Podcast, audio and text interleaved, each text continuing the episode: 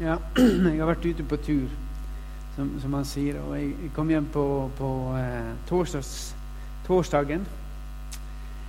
Jeg var i et område der fem dager i løpet av dagen så hørte vi bønnerop.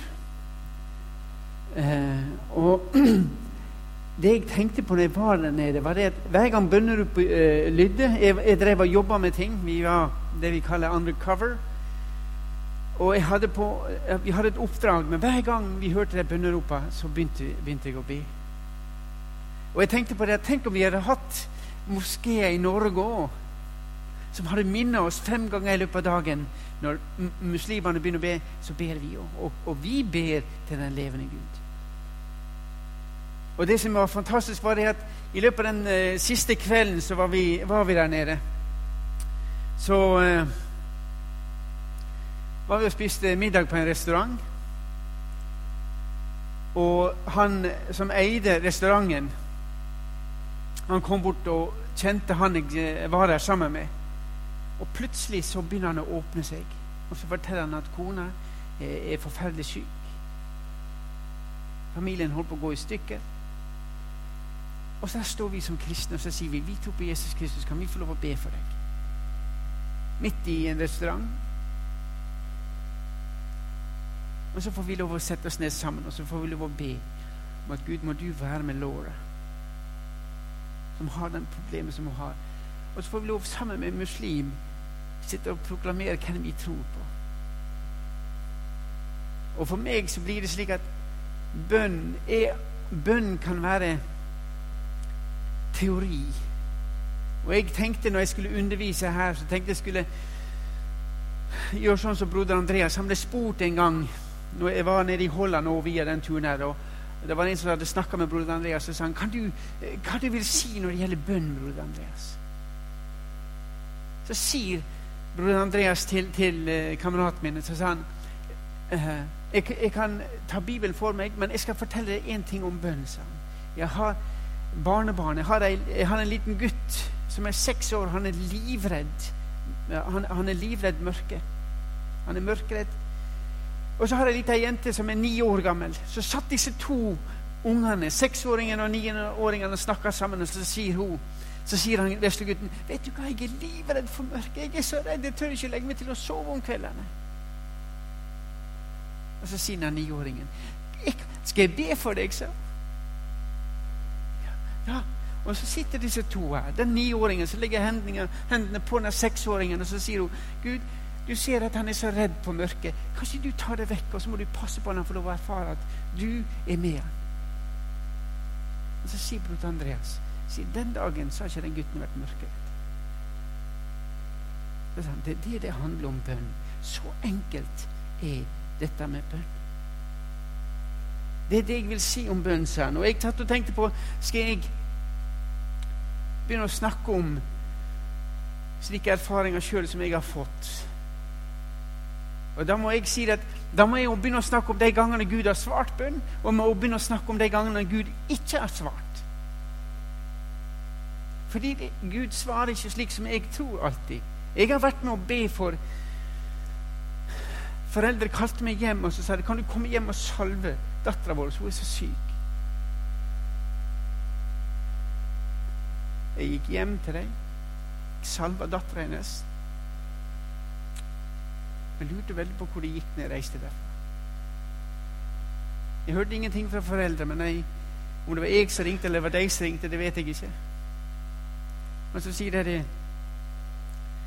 Dagen etter at du hadde bedt for henne, så ble hun så syk. Hun har ikke vært så, så syk som, som hun var på lenge.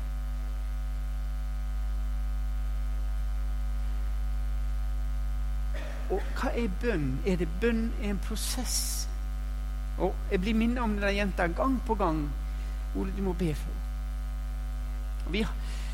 Det er ikke hokus pokus når det gjelder bønn.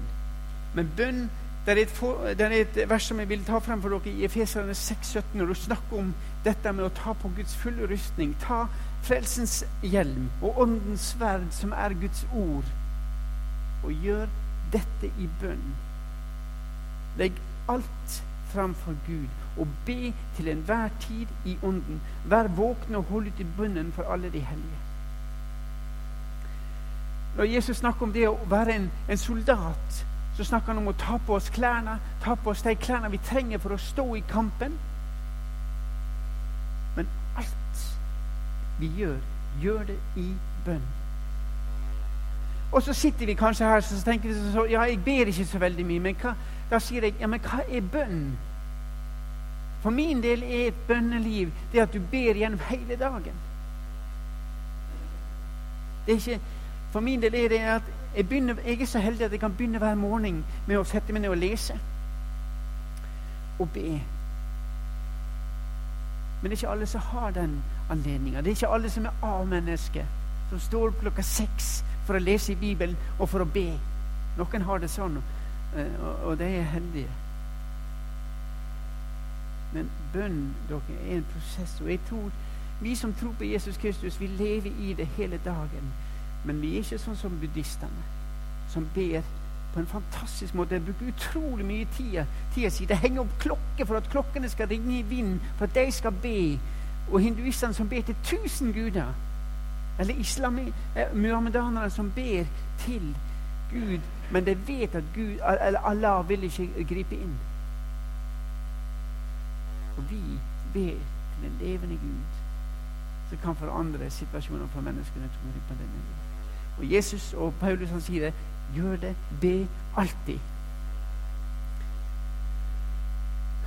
Vær utholden i bønn, våg og be med takk til Gud. Pastor Ha fra Vietnam Når vi ser på klokka Det var, ikke, det var, det var en bibeltime, det var ikke to. Pastor Ha fra Vietnam han sa at jeg har en enkel teologi. Når du har problem, så be. Og når flere problem dukker opp, så be mer. Og Det første på sjekklista vår skulle alltid være bønn. Og Han som pastor sier at hvis de dropper det, så kan hele oppdraget være i fare.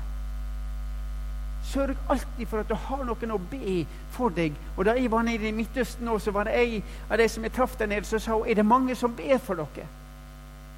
Nei, hvordan det, da? Nei, fordi at dere har det været her utrolig for dere. Ja, Det var et utrolig vær. 30 grader. Fantastisk flott. Men så sa hun egentlig skulle det vært 40 grader nå. sa Men for dere som jobber, så er det ideelt. Og jeg tenkte på Vi, vi glemmer det så lett. Men dere, det, det, å be, det å be om forbønn, så griper Gud inn. Be mer hvis dere har mer problemer pastor Kong, som, som, var mer enn seks år i fengsel, han sier, si dette her om bønner. Dette var en pastor. Så sier han i arbeidet så var jeg så travelt at jeg ikke hadde tid til å be. Men i fengselet var jeg takknemlig for Gud for at han ga meg tid til å be. Jeg, om, jeg ba omkring seks timer hver dag. Jeg hadde tid til å huske på hvert enkelt medlem i menigheten og be for dem. Og tidligere tjente jeg kirken. Men jeg hadde ikke tid til å be for dem. Det var her jeg lærte om det Guds nærvær i bønn, når du kneler ned og ber helhjertet til Herren, føler du svaret hans der og da. Det handler om et fellesskap med Gud. Og Det fantastiske er at dette ikke handler ikke om bare en følelse, men at Gud lengter, lengter etter å ha et fellesskap. Og pastor, pastor Kong han ble satt i fengsel i seks år for å lære det. Og så sier de jeg kunne ikke tenke meg å unnvære de seks åra. Disiplene de sier til Jesus Jesus, lær oss å be og få kraft gjennom bønn. Og Jeg har lyst til å gå gjennom hva Jesus, hvordan det var med Jesus. Jesus han fikk kraft gjennom bønna. Det står at tidlig neste morgen mens det var mørkt, sto Jesus opp, gikk ut og dro til et øde sted og ba der. Og hvor mange ganger finner vi ikke i, i, i, Nytestamentet at disiplene lette etter Jesus? De ante ikke hvor han var, for han var godt. Eller så var ikke han kommet tilbake, for han var ute og han ba. Og jeg tror når Jesus møtte dagen, så visste han kanskje ikke i detalj hva som skulle møte ham. Men når han traff de menneskene han skulle gjøre noe for, så visste han om det fordi han hadde vært sammen med Gud. Jesus han tilbrukte tid i bønn før og etter viktige, viktige hendelser. Mannen med den visne hånda der han ble utfordra. Når han kommer inn i, inn i, inn i, i synagogen, der er en mann med visna hånd, og det er sabbat. Og du gjør ingenting på sabbaten. Og de satt og passa på han. Kommer han nå til å helbrede? Kommer han til å gjøre det på en sabbat der du ikke har lov å gjøre noe? Jesus gjør det, og det står etterpå, så går han i bønn. Jesus ba når han ble forklart på fjellet sammen med disiplene Peter, Jakob og Johannes. Da han møtte 5000 mennesker, så står det at han løfter øynene sine. Og det fantastiske er at han løfter øynene sine med fem brød, nei, eh, to brød og fem små fisker. Eller to, fem brød og to små fisker.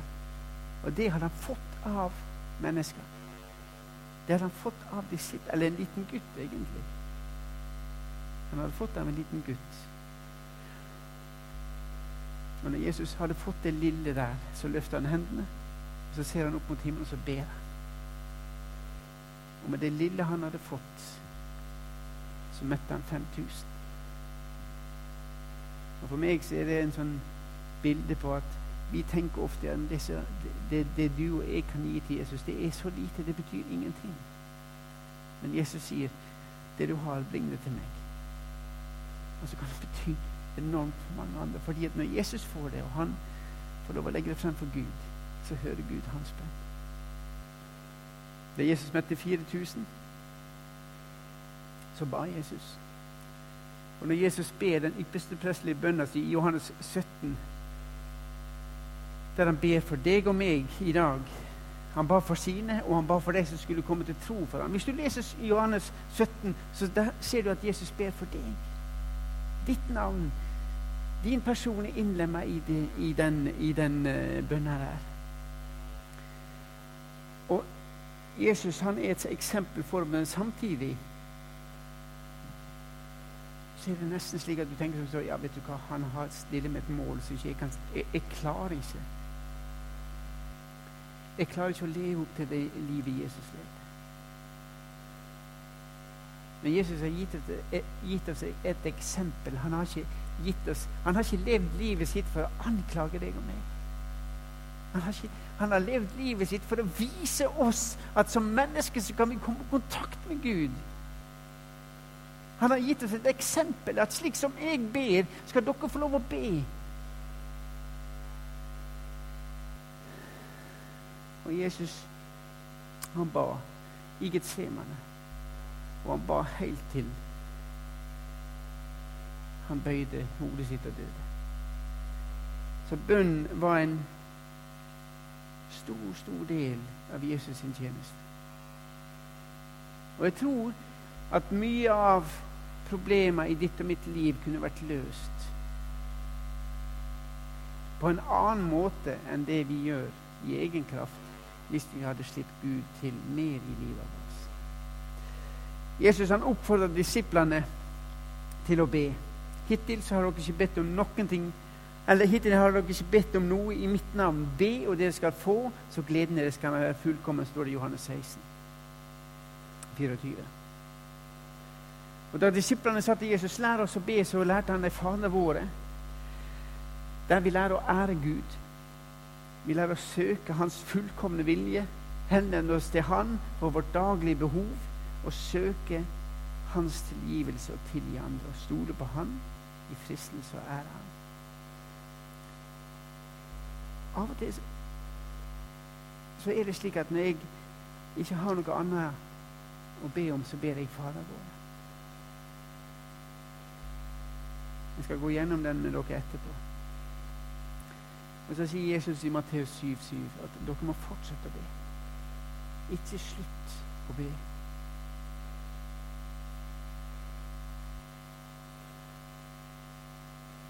Og så er det motiver er viktigere enn formen. Muslimene har form når de ber. De bøyer seg fem ganger. Og det er en viss form. Og hvis du holder det, så er du innafor. Da sikrer du på at da, da, har du i hvert fall bedt. Da har du gjort så godt du kunne, og da får det holde. I Jakob 4,3 så sier Jesus, nei, så sier Jakob noe dere ber, men dere får ikke fordi dere ber galt. Dere vil sløse det bort i nytelse. Og Når jeg leser det, så tenker jeg på Matteus 6, der Jesus sier eh, dere kan ikke tjene både Gud og mammon. Dere, dere må velge én av dem. Og jeg tenker på som så at Gud har velsigna oss utrolig i Norge. Men så sier Jakob at dere ber mye. Dere ber, men får ikke fordi dere ber galt. Og hvis dere får noe, så sløser dere det bort. Og jeg tror det, det treffer oss i dag veldig. Som, som samfunn. Som livsnytere. Og jeg for min del vil si Gud, må du, må du gi meg visdom. Og det, det, det ber Jakob. Han sier at dere som trenger visdom, be Gud om visdom. Be Han gi dere innsikt. Altså det som jeg snakker om Jesus snakker om at når dere ber, så skal dere gjøre som ikke gjøre som hyklerne, de som liker å stå i synagogen og vise, vise sin religiøsitet. Men dere skal be, så skal dere gå inn på enerom, og skal dere være for dere sjøl. Ikke for dere sjøl, men være sammen med meg.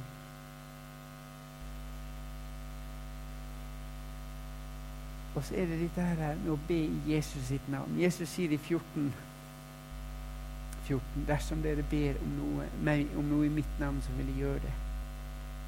Og Så sier han når han opp eh, Lasarus, så sier han noe helt noe flott i Johannes 11, 41, 42. Far, et, når, når, like før han skal vekke opp Lasarus, så sier han, 'Far, jeg takker deg fordi du har hørt meg.' Jeg vet at du alltid hører meg, men jeg sier dette på grunn av alt folket som står omkring, at de skal tro at du har sendt meg. Jesus han sier til deg og meg dere skal få lov å be i mitt navn. Og så sier, han, så sier Jesus og Gud, jeg vet at du alltid hører meg. Du hører meg alltid. Og så har vi fått det tilbudet av Gud, av Jesus. Dere, når dere ber, så kan dere få lov å komme i mitt navn. Og da vil Gud alltid, alltid høre deres bønn. Og det er sannheten. For det om ikke vi tror Nei, det, er ikke, det, kan ikke stemme. Det stemmer. Gud vil alltid Han har gitt sitt løfte på det. At han vil alltid høre i bønnen. Så er det som har sagt Gud, vår Gud har valgt å bruke bønn som et redskap til å vise sin makt ut fra et ønske om å ha fellesskap med oss. Gud han har sagt at jeg kan forandre min plan hvis et menneske ber meg om det. Moses han klarte å endre Gud sin plan. Han sa la meg få lov å utslette dette folket. Nå er jeg så lei av deg. La meg få lov å ta, gjøre slutt på deg. Og så kan du, Moses, være stamfar for det som vi skal bygge videre fremover. Det er et utrolig tilbud. Men Moses han sier da må du heller utslette meg, ikke Gud. Gud, vær så snill. Du har ført deg ut ved din store makt. Ikke utslett deg.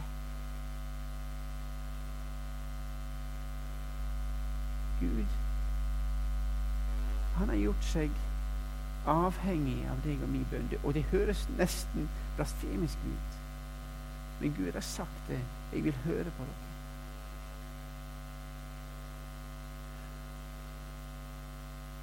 Et kinesisk ordtak sier det at mye bønn, mye kraft. Lite bønn, lite kraft.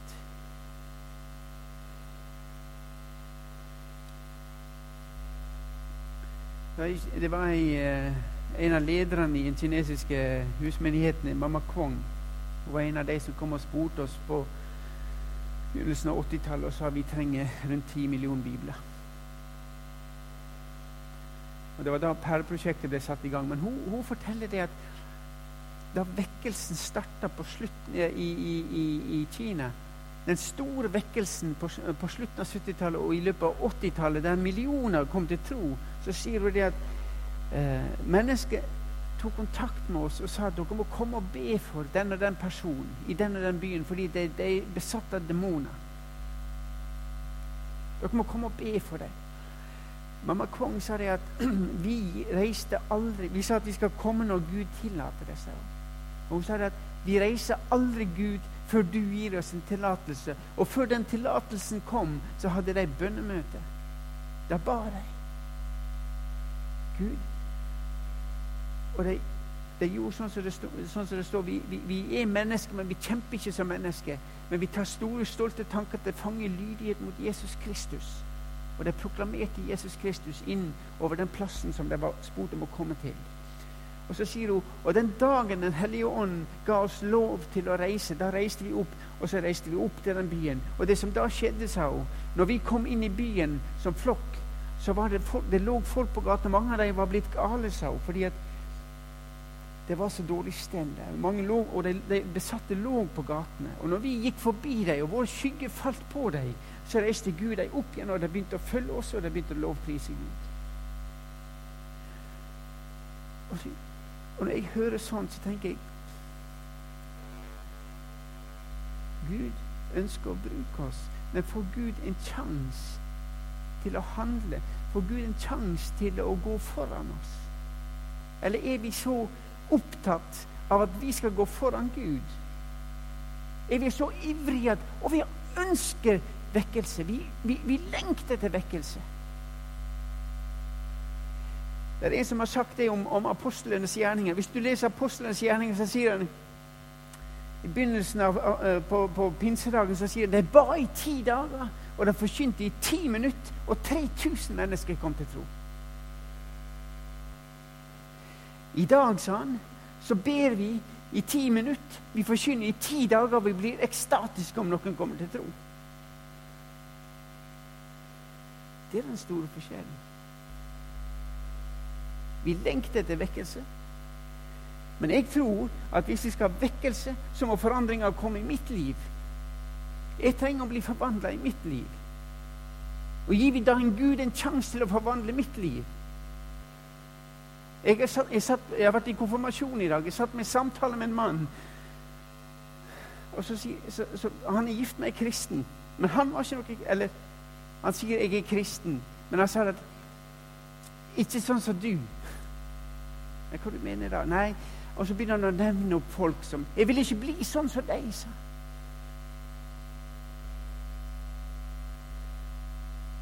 Men, Og det var da jeg tenkte på Gud. Må ikke jeg bli en slik en som holder folk vekke fra deg?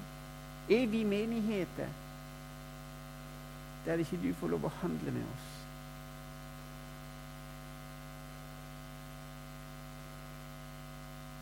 Og jeg vet det, og jeg sier ikke dette for å for å såre eller Men hvor store bønnemøter er deres her? Vi skal slippe å svare. Mye bønn, mye kraft. Lite bønn, lite kraft.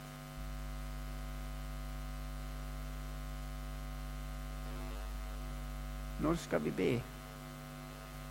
De enkle troa til de som er omtalt i menigheten i Nytestamentet, er aller tydeligst når det gjelder deres holdning til bønn.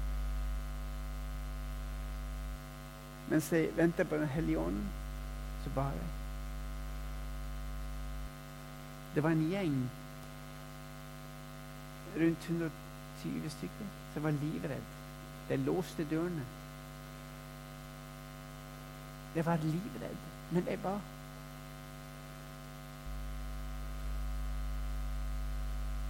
Da de skulle finne en erstatter for Judas, var det 120 var det samla, og de ba Gud, vil du vise oss?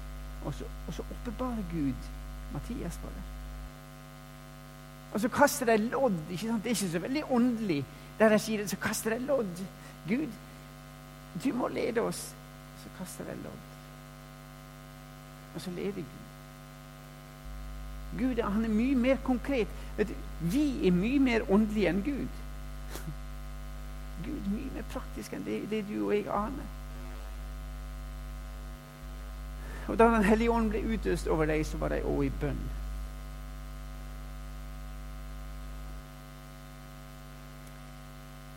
Og etterpå Den hellige ånd var utøst, så var de fortsatt enda mer. Og da myndigheten trua dem, så begynte de å be. Og det, Du får se ei, eh, menighet som er utrolig tillit til at Gud hører bønn.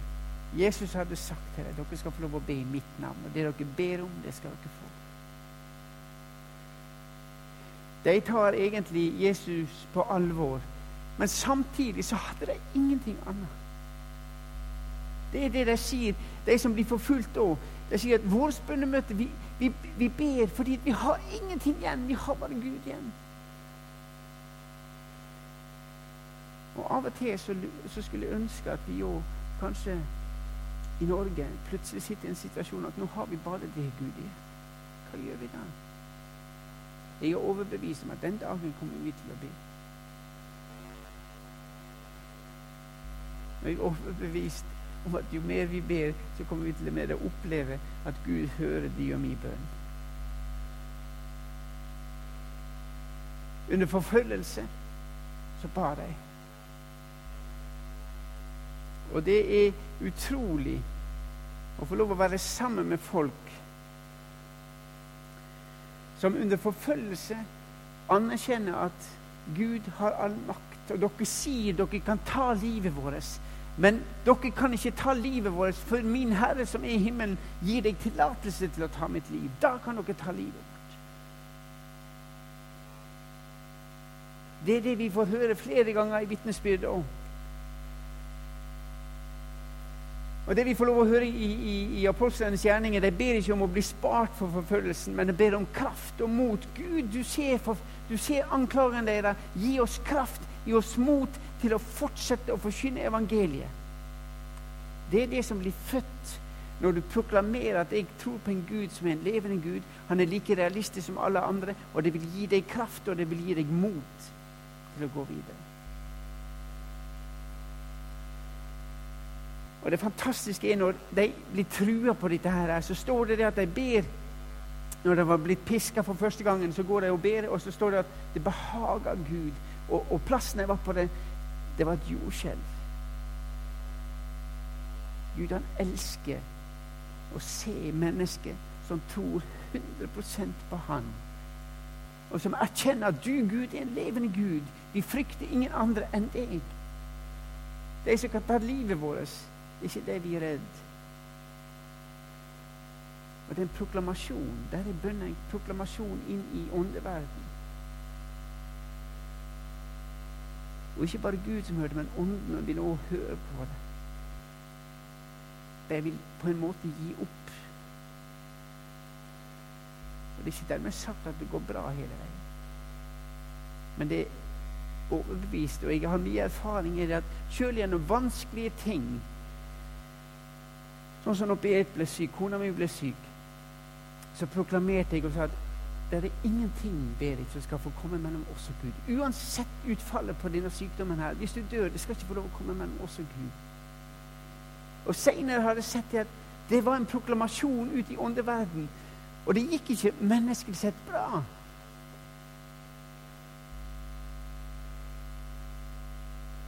Men det gikk til himmels for. Og når jeg smiler når jeg sier det, så er det det, det det handler om. Det gikk godt for Berit. Menneskelig sett så overlevde hun ikke. Etter kort tids sykdom måtte kreften gi tapt, sa de. Hun er helbreda for evig. Og det kunne ikke vi ha sagt uten at Gud gir oss et Når vi ber, så får vi et nytt syn på hva er det som ligger foran. Jeg tror Gjennom bønnen så åpner Gud øynene for oss, og vi får et nytt syn. Vi slutter, vi slutter å se ned, og vi slutter å fokusere på det rundt oss og problemer, og vi begynner å løfte blikk, og så begynner vi å se det store bildet. Og det store bildet, folkens, er det at dette livet på denne jorda her er bare et sekund av evigheten, men det er det viktigste sekundet, for her skal du bestemme hvor du skal tilbringe evigheten. Og vennene rundt oss som ikke kjenner Jesus, som ikke har bestemt det, du og jeg. Og jeg syns den filmen var fantastisk som, som, eh, som, som eh, angående dette med å være et vitnesbyrd. Vi aner ikke hvor det er, hvor det vil gå, men én ting vet jeg, at Gud og Den hellige ånd vil jobbe videre.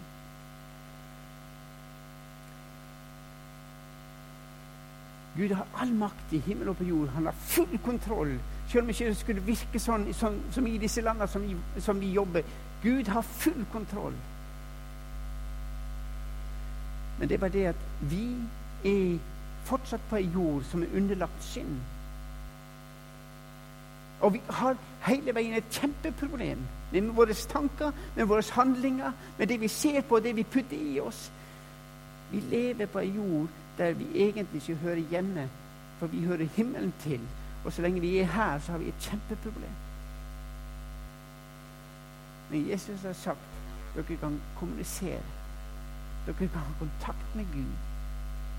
Og Jo mer dere har kontakt med Gud, jo mer realiserer dere at Han er en levende Gud, og han kan hjelpe.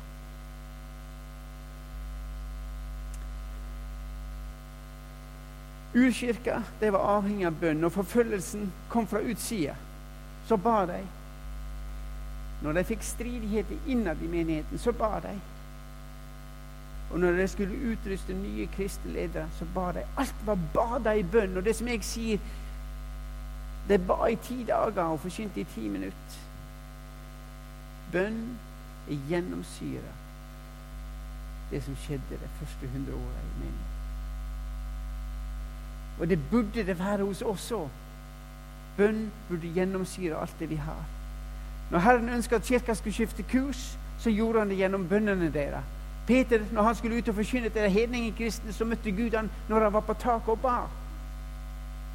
Da talte Gud til Peter, fordi da var Peter så stille at han kunne høre Guds stemme. Og Gud talte, og, og, og Peter hver dag så innviet han seg til Gud.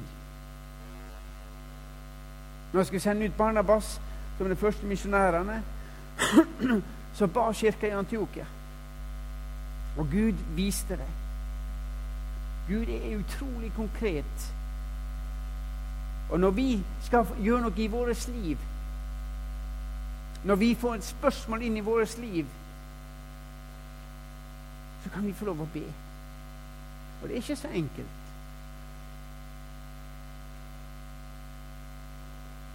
Jeg har fått spørsmål inn om å gjøre det eller det. Og jeg har sagt til Gud Gud, jeg er åpen for alt, men Gud, du må bekrefte. Du må vise om jeg gjør det rett ved å gjøre det eller det. Jeg har opplevd utrolige bønnesvar når det gjelder Guds ledelse inn i livet mitt. Og jeg har opplevd at Gud ikke har talt. Og da har jeg sagt til Gud ok, Gud, hvis du ikke sier noen ting, så blir jeg der jeg er.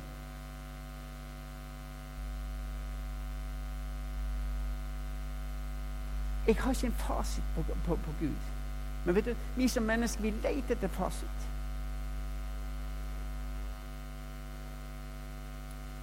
Men det vi ser erfaringsmessig i Bibelen, er at når det skulle skiftes og gjøre forandringer, så ble skjedde det alltid under bønn.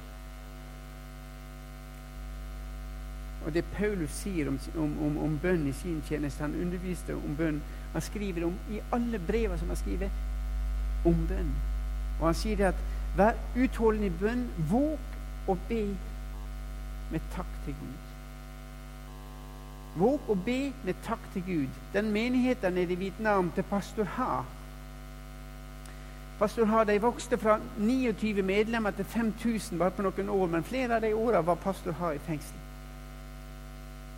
Og pastor Ha han sa det at det hadde på et oppslag på, på, på, i, i, hovedsalen sin så står det 'Takk alltid Gud under alle forhold'. Og Det var en, det takker Gud for, for forfølgelse, og det høres veldig rart ut. Takk Gud under alle forhold. Og Paulus sier da vær utholdende i bønn. Våg å be med takk til, til Gud. Be uavbrutt. Det betyr ikke at vi skal bønnemøte 24 timer i døgnet. Men som jeg sa til dere, mitt liv er slik at i løpet av dagen så blir jeg minnet, og da ber jeg. I løpet av dagen så, så, så vil sikkert alle dere kunne si så ber jeg. Det, det være seg ting dere trenger hjelp til på jobben. Når den umulige oppgave kommer, da vet jeg at mange av dere ber. Gud, vil du gi meg kraft? Vil du gi meg styrke? Vil du gi meg visdom? Jeg har oppdaga det flere ganger som bilmekaniker. Og bare Gud, nå må du vise meg. Og så kommer tanker inn, og så får du en innskytelse at, at, at bytte en kabel. Og så bytter du en kabel. Det gjelder en, en gang kom en, en, kar inn til meg. Jeg var travelt opptatt på, på verkstedet, så sier han du, Jeg har vært på Opel-verksted borte i, i, i, Kristiansand. Jeg er på vei til Stavanger. Du, og nå jukser bilen så enormt. Kan du hjelpe meg?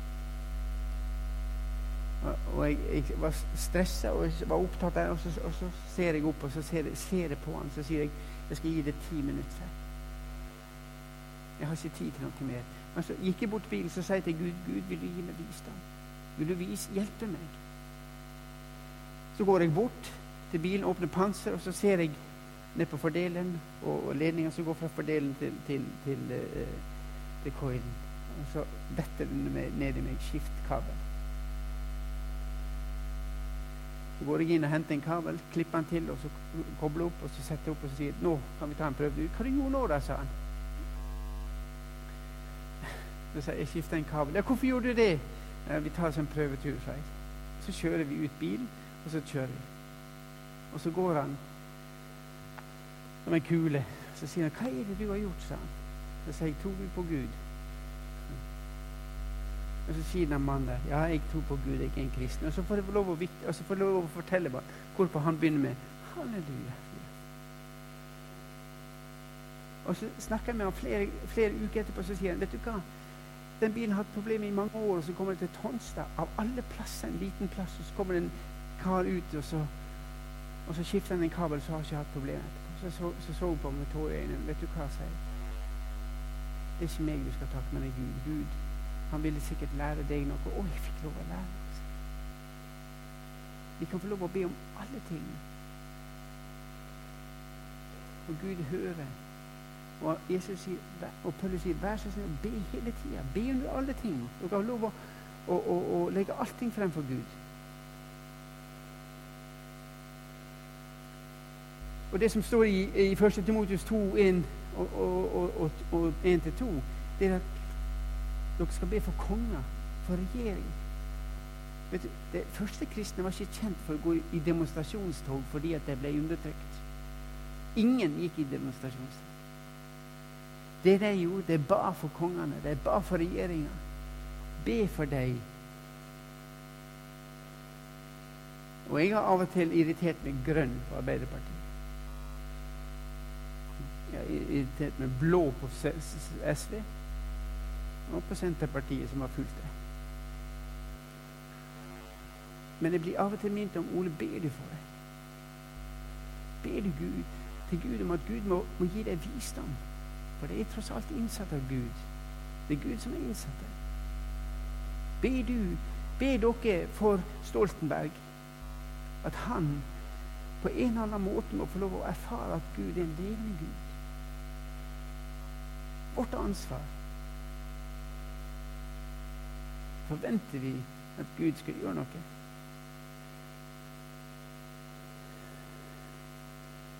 Og så er det Jakob som sier noe i 1.5. Og det, for min del så har det betydd mye, det Jakob 1.5, der vi kan be om visdom.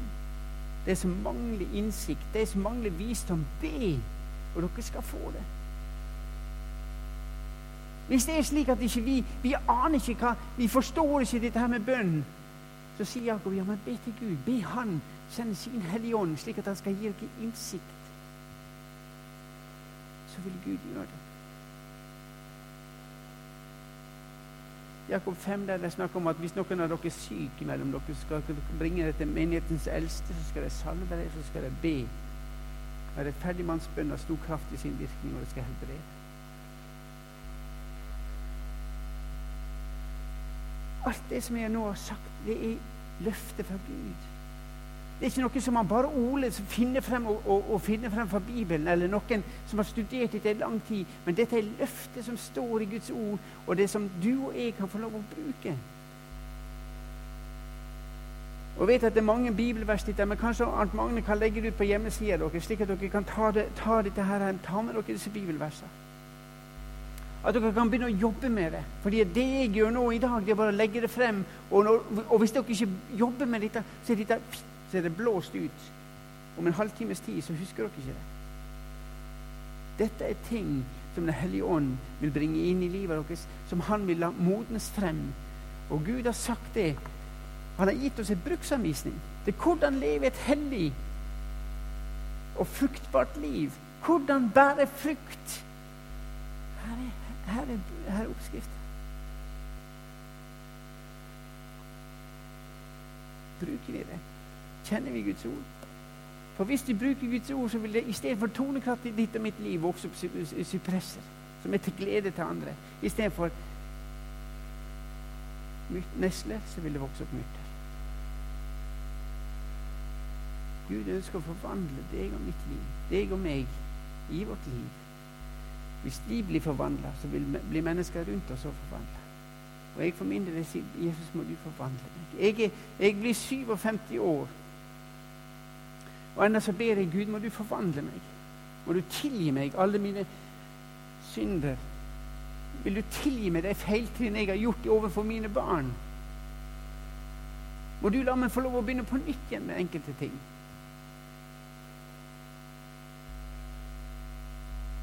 Og så er det håp for oss fordi jeg legger mitt liv i Guds hånd.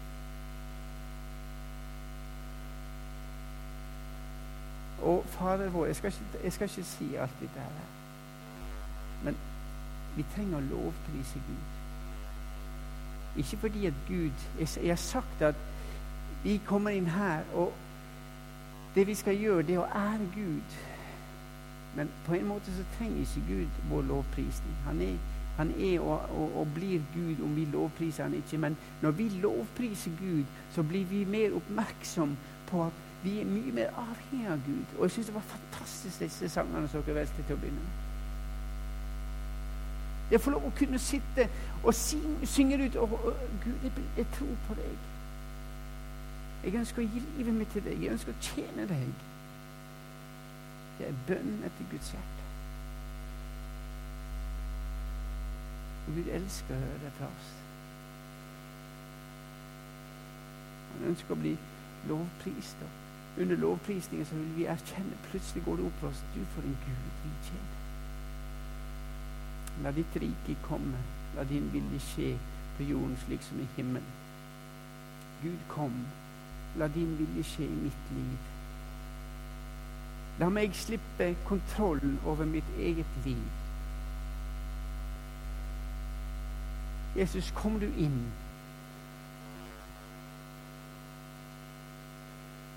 Og hold måltid med meg, slik at du får kontroll over mitt liv. Gi oss i dag vårt daglige brød. Vet du hva? Vi er kommet i Norge i dag, så ber vi ikke den bønnen. For vi har alt vi trenger. Vi går bare på Helgø, eller vi går bare på OBS. Så glemmer vi fullstendig at det er Gud som sørger for oss. Vi glemmer fullstendig det som står i Matteus 6, eh, 6 33. Søk dere først Guds rike og hans rettferdighet. Så skal dere få alt det andre i tillegg.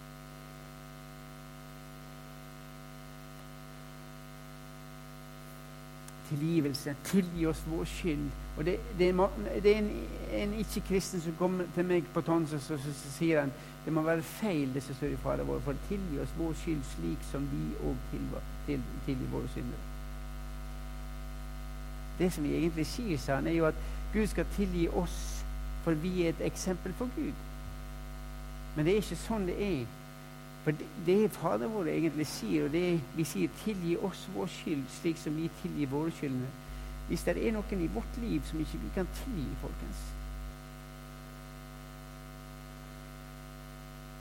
Hvordan tolker dere det? Tilgi oss vår skyld, slik som vi tilgir våre skyld.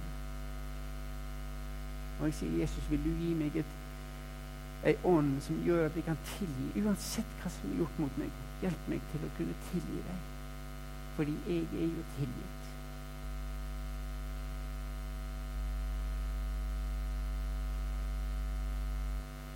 La oss ikke komme i fristelse, men fri oss fra det vonde.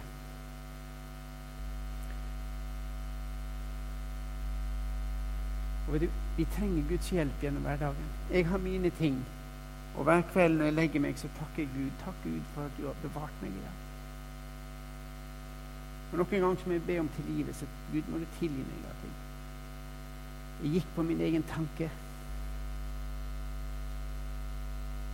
Hjelp du meg til å velge rett.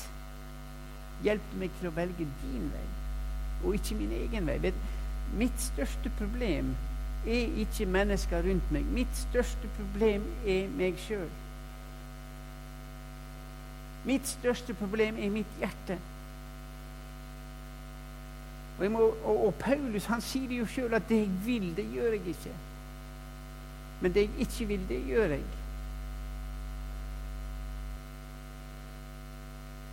Og så finner han likevel den loven at dersom noen er i Kristus, så er han en ny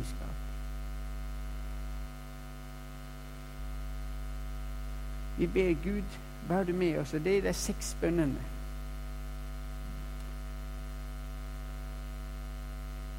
Gud har gitt oss løfter, enorme løfter. Det er det dere ber om i mitt navn vil gjøre, slik at min far skal bli æret gjennom Sønnen. Be, og dere skal få. Let, så skal dere finne. Bank på, så skal det lukkes opp for dere. Rop til meg, så vil jeg svare deg og fortelle de store, ufattelige ting som ingen kjenner til.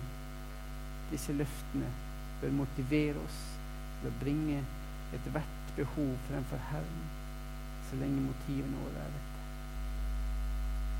Og når du kommer inn på dette med om, om er motivene våre rette Jesus han sier det i, i Johannes 17,5.: Dersom dere blir i meg, og mine ord blir i dere, så be om hva dere vil.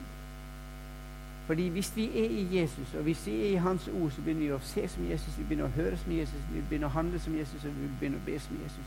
Jesus får prege oss. Og igjen så er det utrolig viktig med Guds ord. Lytte og være åpen for Den hellige ånds ledelse.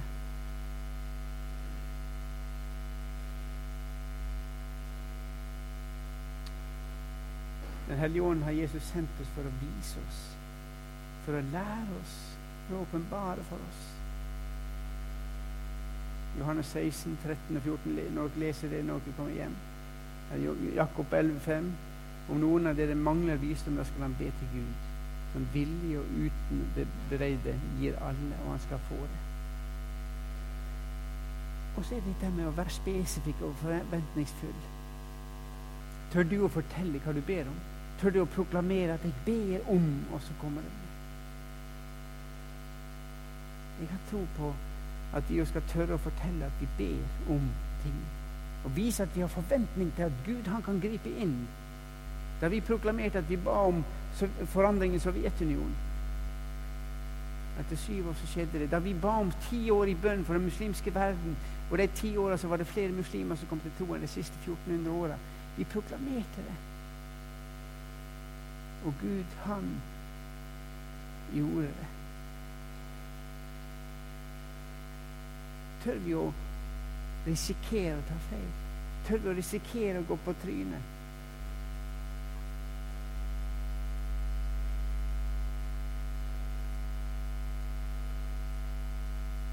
Om kristne har lært å be, lært å ha virkelig kommunikasjon med Gud i bønn eller ikke, er den viktigste enkeltfaktor for å klarlegge om de vil stå som seirende kristne.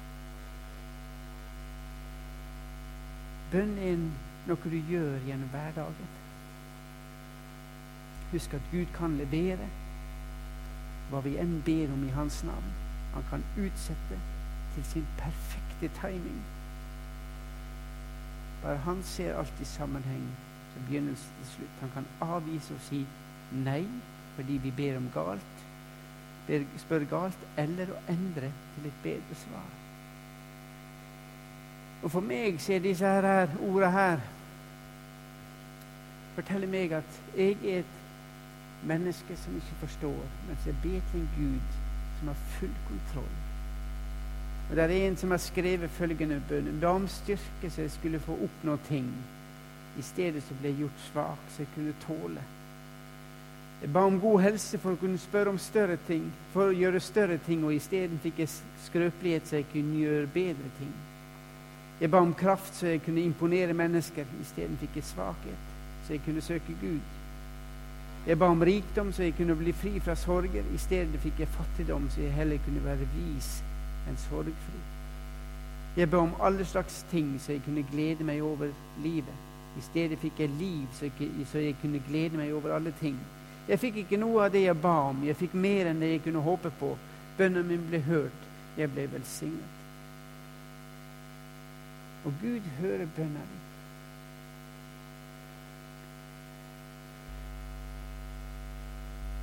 Og han lengter etter bønna di.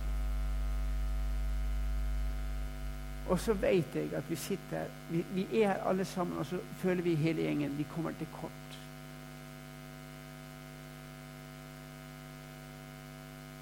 Jeg har lyst til å spørre dere Dere skal ha, dere skal ha gruppemøte, gruppe nede etterpå. Men hvis noen av dere føler at dere mangler noe Så står det at vi skal få lov å be for hverandre. Hvis noen av dere kunne ønske dere at jeg ønsker å gå inn mer, jeg ønsker å innvie meg mer til deg, Gud Og Da snakker jeg ikke om at du skal bruke seks-syv timer i bønn.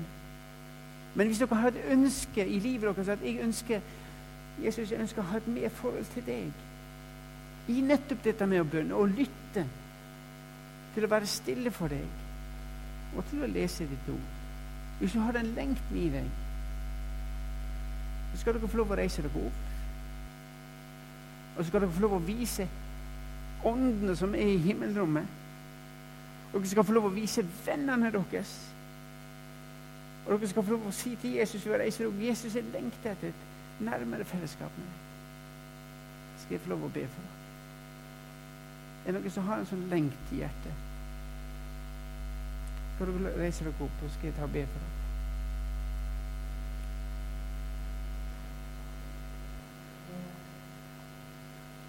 Det er lov å bli sittende. Det er ikke noe galt i. Ikke, ikke reis dere fordi at alle andre gjør det.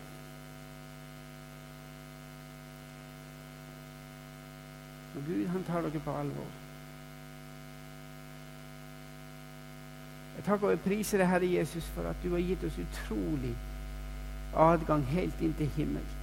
Da du ødela forhenget, du reiv det fra toppen og nedover og åpna inn til det aller, aller helligste. Jesus, må du be om, jeg ber om tilgivelse for, for, mitt egen del, og jeg ber om tilgivelse for oss alle sammen at vi bruker så lite tid. Og du ser de som står foran deg nå, Jesus. De har et ønske om at du skal komme inn enda mer inn i livet deres. De åpner hjertedøra sitt, og du sier, Herre Jesus, at når du hører, om dere hører min røst og åpner døra, så vil du gå inn. Og Jesus, går du nå inn i livet deres? Skapte du noe nytt? Fyller du den lengselen som det har med et bønneliv, Jesus. La du de mennesker som står her, få lov å bli forvandla. La dem få et nytt møte med deg. La dem få en ny erfaring med at du er en levende Gud. Og la dem òg bli mennesker som forvandler ting rundt seg fordi de bringer det frem for din troen, Gud. Kom du med din Hellige Ånd, og legg du forbønnstjeneste inn i deres hjerte. Og jeg ber Jesus, når jeg kommer hjem i kveld vil du minne deg om det? Vil du la deg få lov å erfare at du er en levende Gud? Takk, himmelske Far, for din store kjærlighet, at du elsker hver enkelt av de som er her. Om de sitter eller står, så elsker du dem, og du har betalt for at de skal få lov å ha direkte kontakt med din far. Takk, Jesus, for din uendelig store tilbud om at vi kan få lov å be til deg om alle ting, for alle om små ting, om store ting. Du har sagt at vår Herre, han hører allting som blir bedt gjennom ditt navn. At Gud hører alltid deg. Takk, Gud, for den muligheten. Kom du og skap nye ting i vårt liv i kveld. I Jesu navn. Amen.